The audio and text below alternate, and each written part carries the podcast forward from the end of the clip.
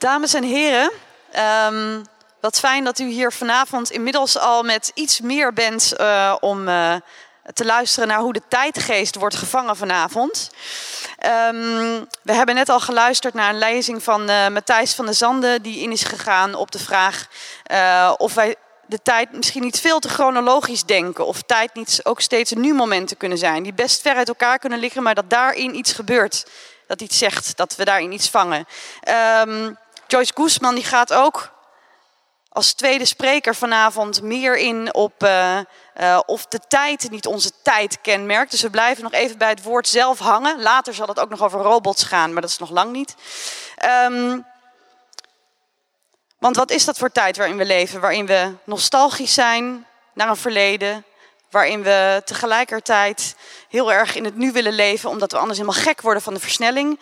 Joyce Guzman zal daar uh, meer over zeggen. Daarna is er ook nog kort ruimte voor u om vragen te stellen. En voordat zij begint, wil ik graag ook nog opmerken dat wij vanavond een tijdscapsule maken. Het is een koffertje, dat staat daar in het, in het, in het gangpad.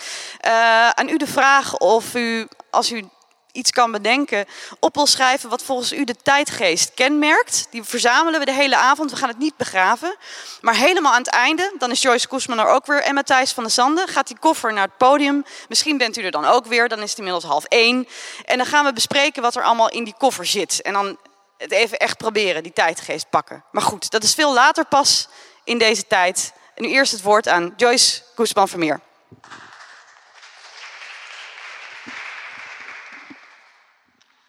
Uh, goedenavond allemaal. Lisa zei net ook voor, oh je moet wel wennen aan het licht. Als je niet staat te knipperen, dan, uh, dan doe je iets fout. Maar ik moet inderdaad even wennen. Dat is nu gebeurd. Goedenavond. Um, een tijdje geleden vroeg Lisa aan mij of dat ik uh, voor vanavond de tijdsgeest wilde vangen in een kort praatje. Nou, dat wilde ik wel doen. Uh, en ik moest daarbij meteen denken uh, aan iets wat mij een jaar of anderhalf jaar geleden is gebeurd. Uh, mijn vrienden en ik waren namelijk aan het terugdenken aan onze jeugd, laat ik het zo maar noemen. onze tienerjaren. En wij kennen elkaar van de introductie en dat was in 2008. En om aan te geven hoe oud wij ongeveer zijn. Dus het ging over de jaren nul. En wij kwamen toen tot de conclusie dat wij de jaren nul niet, niet echt konden karakteriseren. De jaren nul is niks, is iets wat wij toen uh, zeiden.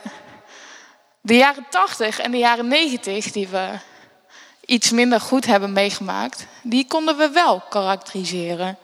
Uh, de ingevlochten haren, de gekleurde trainingspakken, de blauwe mascara Flippo's, natuurlijk de Spice Girls en de Backstreet Boys uit de jaren 90 konden we allemaal zo oplepelen. En toen waren we echt nog kinderen. En zelfs de jaren 80, die wij amper hebben meegemaakt, konden we karakteriseren. Met een fluffy kapsels, Walkmans, beenwarmers, de allereerste Nintendo, Doe maar en Madonna. En er zijn om de havenklap feesten waarin de jaren 80 en de jaren 90 gevierd worden. Zo'n themafeest over de jaren nul, de tijd waarin ik dus het gros van mijn vormende tienerjaren heb doorgebracht, heb ik niet kunnen vinden. Fast forward naar afgelopen zomer. Uh, mijn vrienden en ik waren wat clips aan het bekijken op YouTube en we kwamen uit bij The Anthem van Good Charlotte. Maakt verder niet uit als je dat niet kent. En toen was het ons ineens meteen duidelijk. Dit is de jaren nul. We zagen de beach cruisers van die fietsen waar je dan zo met je handen heel hoog op moet zitten. De, de longsleeves die je onder je shirts droeg. Uh, de spike armbanden, de brede sneakers. Dat soort uh, dingen. En we gingen natuurlijk doorklikken, zoals je dat doet op YouTube. En kwamen onder andere uit bij Sum 41, Eva Lavigne. dat soort dingen. Dus de alto-cultuur die in de jaren nul alomtegenwoordig was, was behoorlijk mainstream toen. En tegenwoordig lijkt die grotendeels verdwenen te zijn. Uh, ja, oh ja, was mijn punt eigenlijk. Ja. Wat hebben al deze dingen nou te maken met het vangen van de tijdsgeest? We leven al een tijdje niet meer in de jaren nul. Die is, uh, dat is al een jaar of zeven voorbij. En dat heeft te maken met het punt dat ik vanavond wil maken.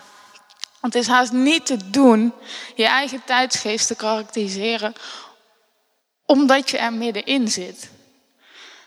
Dit is overigens een punt dat niet breed wordt gedragen door andere filosofen. Integendeel. Zo vanaf het eind van de 18e, begin van de 19e eeuw, wordt de tijdsdiagnose, dus het kenmerken van de eigen tijd, een geheel eigen thema binnen de filosofie. Kant was met zijn beroemde werk Was, was ist Aufklärung? Ik heb, mijn beugel is deze week aangedraaid, dus zodra ik buitenlands begin te praten, dan gaat het niet zo goed. Uh, maar het werk Wat is verlichting? Legde, was hij misschien wel de eerste die uitlegde wat zijn eigen tijd behelsde. Hij gaf zelfs een definitie van wat verlichting was. En ik citeer: Verlichting is het uittreden van de mens uit de onmondigheid die hij aan zichzelf te wijten heeft. Nou, weten we dat ook weer. Volgens Kant was die verlichting zich overigens nog aan het voltrekken in 1784 toen hij dit schreef. En het bleef niet bij een definitie. Hij heeft de verlichting zelfs een motto meegegeven. Sapere oude, ofwel durf te weten. En eh, iets later uh, karakteriseert Nietzsche zijn eigen tijd uh, met de opkomst van het nihilisme. En niet veel later is ook uh, bijvoorbeeld Marx kritiek op het kapitalisme en zijn voorspelling van hoe de wereld uiteindelijk uit zou komen bij een communistische helstaat, uh, een karakterisering van de tijd waarin hij leefde. En ook nu zijn er filosofen die onze tijd weten te vangen. Volgens Francis Fukuyama, een hedendaags filosoof, zijn we inmiddels wel bij het einde van de geschiedenis aanbeland. Een groot filosoof als Kant, Nietzsche, Marx of Fukuyama ben ik helaas niet. Het is mij pas meer dan een, uh, het is mij pas meer dan een half decennium na afloop van de jaren nul gelukt om deze te karakteriseren. Hoe moet het me dan lukken om deze tijd vast te pinnen? En ja, het is ook een beetje. Het is niet zo heel aardig om te zeggen: ja, ik wil wel een lezing doen en dan vervolgens niet een poging te doen, op zijn minst de tijdgeest te karakteriseren. Dus dat ga ik wel doen. Uh, en wat mij opviel toen ik hierover ging nadenken, is dat we overal toegang toe hebben. We hebben allemaal Spotify, Netflix, YouTube, uh, dat soort dingen. Dus met enkele klikken hebben we toegang tot alle muziek, films en series. En uh, uh, alles is tegenwoordig binnen handbereik. Dat betekent dat je ook alle specifieke dingen uit specifieke tijden en specifieke genres gemakkelijk uh, door elkaar kunt gooien. Je kunt overal fan van zijn tegenwoordig. zelf luister ik ook naar bands die al lang niet meer bestaan en misschien al zelfs wel dood zijn. Ben ik dan fan van vervlogen tijden? Ben ik fan van vergane glorie? En ook op het internet zie je dit veel terug. Uh, een comment dat je heel vaak ziet bij liedjes uit de jaren tachtig, ik noem maar wat, is dat mensen daarbij zeggen: I was born in the wrong time. Ik ben in de verkeerde tijd geboren. Ze lijkt een soort van nostalgie te heersen naar een tijd die we nooit hebben meegemaakt. Is dit een typisch gevalletje van vroeger was alles beter? Of is er meer? Maar tegelijkertijd horen wij ook tegengeluiden. Er is volgens mij nog nooit zo vaak opgeroepen om toch vooral in het hier en nu te lezen. Mindfulness trainingen waarbij je eerst heel lang aan een rozijn gaat voelen en dan op het moment dat je denkt, je mag hem in je mond steken en opeten, nee, dan moet je ook met je tong alle kanten van die rozijn gaan voelen. En dit lijken twee tegenstrijdige kenmerken van onze tijd te zijn. Enerzijds verlangen we terug naar een tijd die al lang voorbij is, en anderzijds moeten we stilstaan bij het heden. Dat komt misschien omdat we in een tijd met weinig zekerheid over de toekomst leven. Het hier en nu is alles wat je hebt. Een vaste baan krijg je slechts bij hoge uitzondering. En ook je woonplaats, vrienden of relatie lijken minder vast te staan dan vroeger. Maar ook dit lijkt weer een soort tegenbeweging op te roepen. In mijn vriendengroep hebben bijvoorbeeld veel mensen lange relaties, soms zelfs al uit het vorige decennium. En zelf ben ik niet van plan om voorlopig Nijmegen te verlaten. Mensen lijken een beetje klaar te zijn met altijd maar flexibel te moeten zijn en overal maar terecht te moeten kunnen. Maar zijn juist meer op zoek naar vastigheid. En misschien wel omdat er zoveel flexibiliteit van iedereen wordt verwacht, we, moeten we ook altijd maar bereikbaar zijn en altijd maar reageren. Want wie weet word je wel gebeld met een unieke kans. En als je niet meteen opneemt, ja goed, dan gaat hij naar de volgende. Als je niet binnen het uur reageert op een telefoontje, een appje of een mailtje, dan denken mensen meteen het ergste. Er moet wel iets verschrikkelijks gebeurd zijn. Het idee dat je niet de hele dag vergroeid bent met je telefoon, is voor sommige mensen haast niet voor te stellen.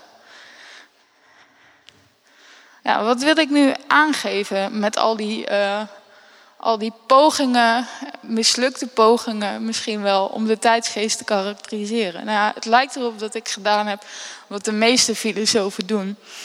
Een kanttekeningen plaatsen, vragen stellen, maar heel weinig antwoorden geven. Ik heb enkele, enkele mogelijke antwoorden laten zien en ik heb ook laten zien dat die niet helemaal een goede karakterisering van onze tijd kunnen zijn. Nou, uit dat feit zou ik graag twee conclusies uh, willen trekken. Uh, de eerste heb ik al weggegeven. Het is, uh, denk ik, onmogelijk om je eigen tijdsgeest te karakter of je eigen tijd te karakteriseren. Precies omdat je er middenin zit. En ten tweede denk ik dat het sowieso onmogelijk is om überhaupt een tijd te karakteriseren. Omdat de mensen en de, de dingen en alles wat er in een bepaalde tijd zit, is zo ontzettend divers. Er zijn zoveel verschillende stromingen, zoveel verschillende smaakjes, zoveel verschillende dingen. En op het moment dat je zegt, dit ene ding, dit karakteriseert onze tijdgeest, denk ik dat je kort door de bocht gaat. Daar uh, wilde ik het eigenlijk bij laten vanavond. Dank jullie wel voor de aandacht.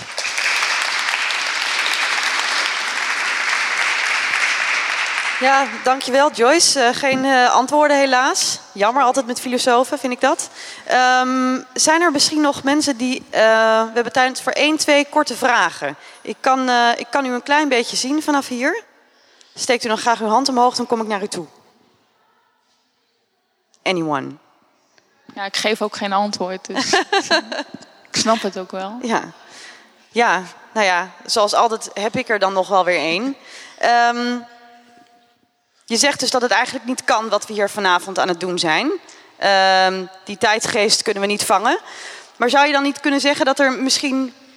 Zijn er dan niet meerdere kleine tijdgeestjes, dingen die toch wel opvangen, die, die, die, uh, die wel typisch zijn? Want zou je er misschien eentje kunnen uitlichten waarvan je denkt, ja, maar dus meer, ja, dat is toch wel echt de jaren nul. Niet, niet per se in de cultuur, maar dat, dat kenmerkt. Nu, het vorige decennium of dit decennium? Ja, dat is een goeie. Ja. Dat is een goeie. dit decennium. Dit decennium. Nu, hier.